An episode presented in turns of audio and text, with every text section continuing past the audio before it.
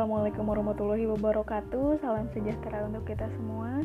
Selamat datang di podcast kali ini. Perkenalkan saya Miranda dari kelas 2 EPGSD dengan NIM 1906034. Di sini uh, saya akan kembali berbincang dengan pembahasan mengenai lingkungan. Tapi kali ini saya tidak sendiri. Uh, kali ini saya ditemani oleh adik yang lucu kali ini. Oke, uh, mungkin tidak akan diperkenalkan, tapi kita langsung saja berbincang. Oke, uh, untuk Ade di sini kakak langsung saja akan bertanya karena kali ini kita akan membahas lingkungan.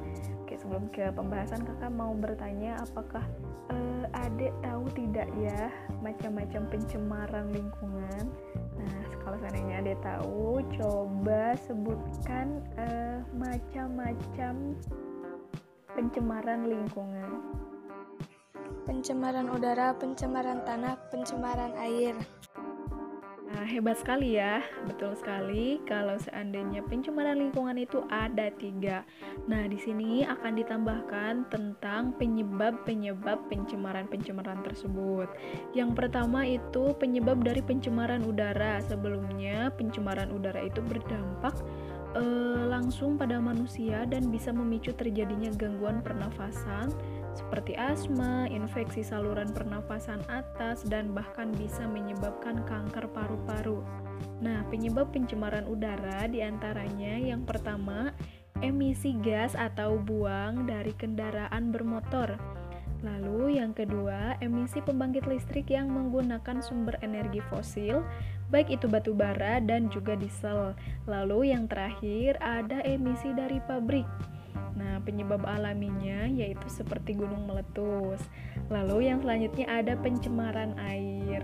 Nah, dampak dari pencemaran air ini sangat besar, mulai dari rusaknya ekosistem hingga menipisnya ketersediaan air bersih untuk konsumsi. Nah, penyebab dari pencemaran air itu sendiri di antaranya industri membuang berbagai macam polutan ke dalam air limbahnya seperti logam berat, toksin organik, minyak, dan juga padatan.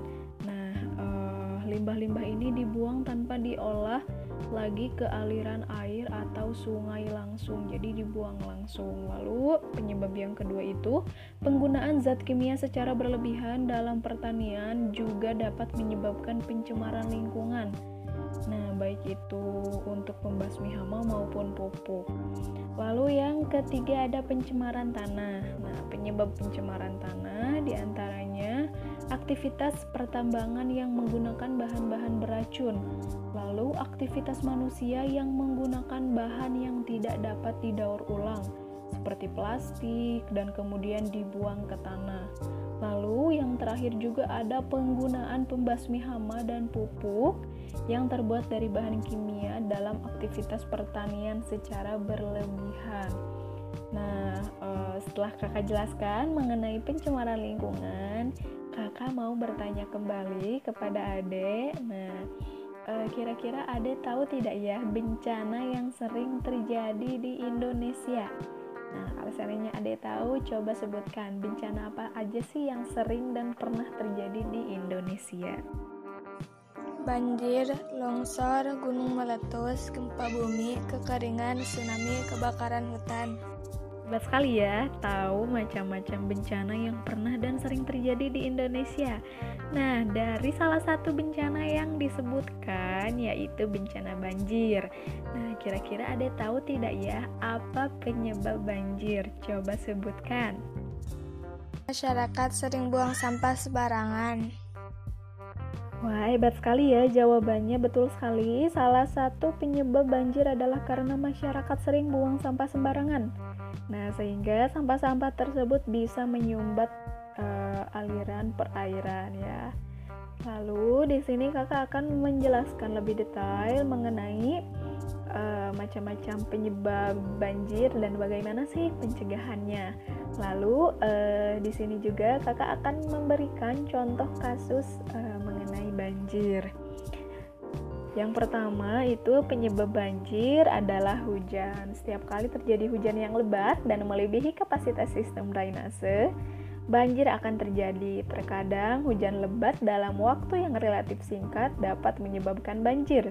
Di lain waktu, hujan gerimis selama berhari-hari atau berminggu-minggu juga dapat menyebabkan banjir. Lalu yang selanjutnya sungai meluap. Nah, sungai yang meluap dapat menyebabkan banjir. Meluapnya sungai dapat terjadi ketika air lebih banyak di bagian hulu dari biasanya. Lalu yang ketiga, badai dan angin kencang di pantai. Nah, air laut dapat terbawa angin kencang dan angin topan ke daratan pantai yang kering lalu menyebabkan banjir.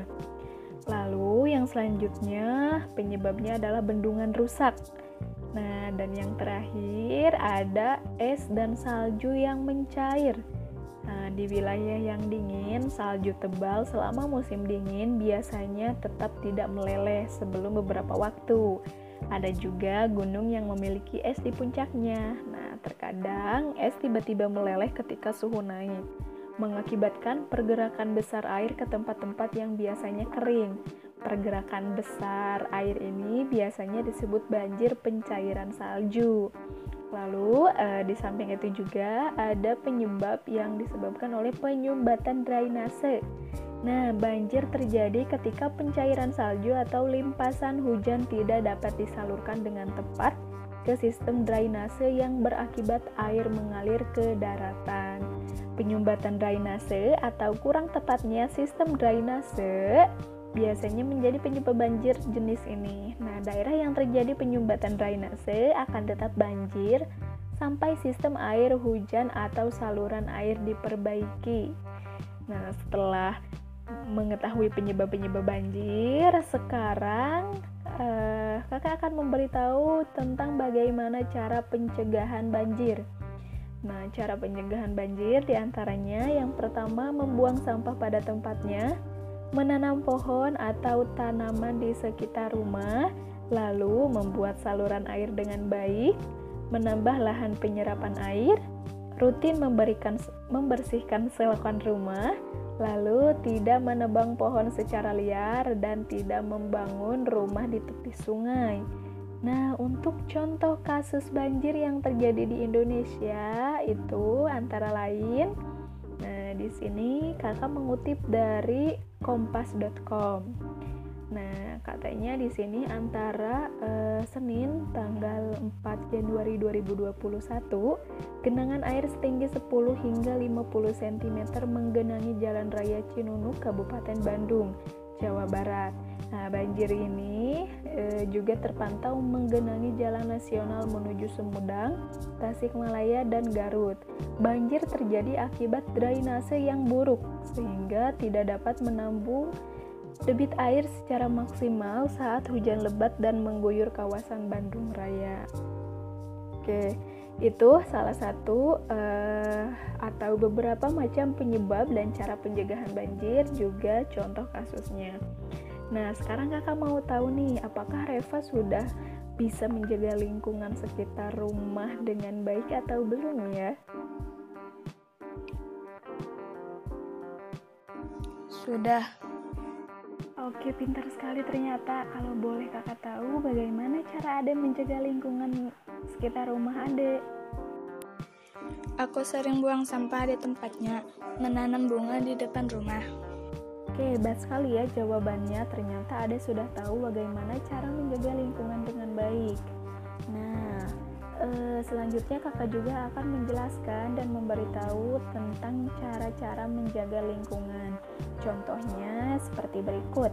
Yang pertama, membuang sampah pada tempatnya, hindari tebang liar, membersihkan lingkungan setiap hari, tidak merusak tanaman sekitar, tidak membuang bahan kimia di aliran sungai, menanam kembali hutan yang gundul, lalu melakukan tebang pilih, mencari ikan dengan cara tradisional, menanam pohon di pinggir jalan kota, membuat terasi ring di daerah pegunungan, lalu mengurangi penggunaan asap kimia. Nah, itu beberapa cara-cara uh, untuk menjaga lingkungan sekitar kita. Nah, pembahasan kita kali ini telah selesai. Kakak ucapkan terima kasih kepada Ade yang sudah mau menemani kakak di sini. Sama-sama. Terima kasih juga kepada yang sudah mendengarkan. Saya ucapkan mohon maaf apabila ada kesalahan atau terdapat banyak kesalahan. Semoga pembahasan kali ini e, membawa kebermanfaatan untuk kita semuanya.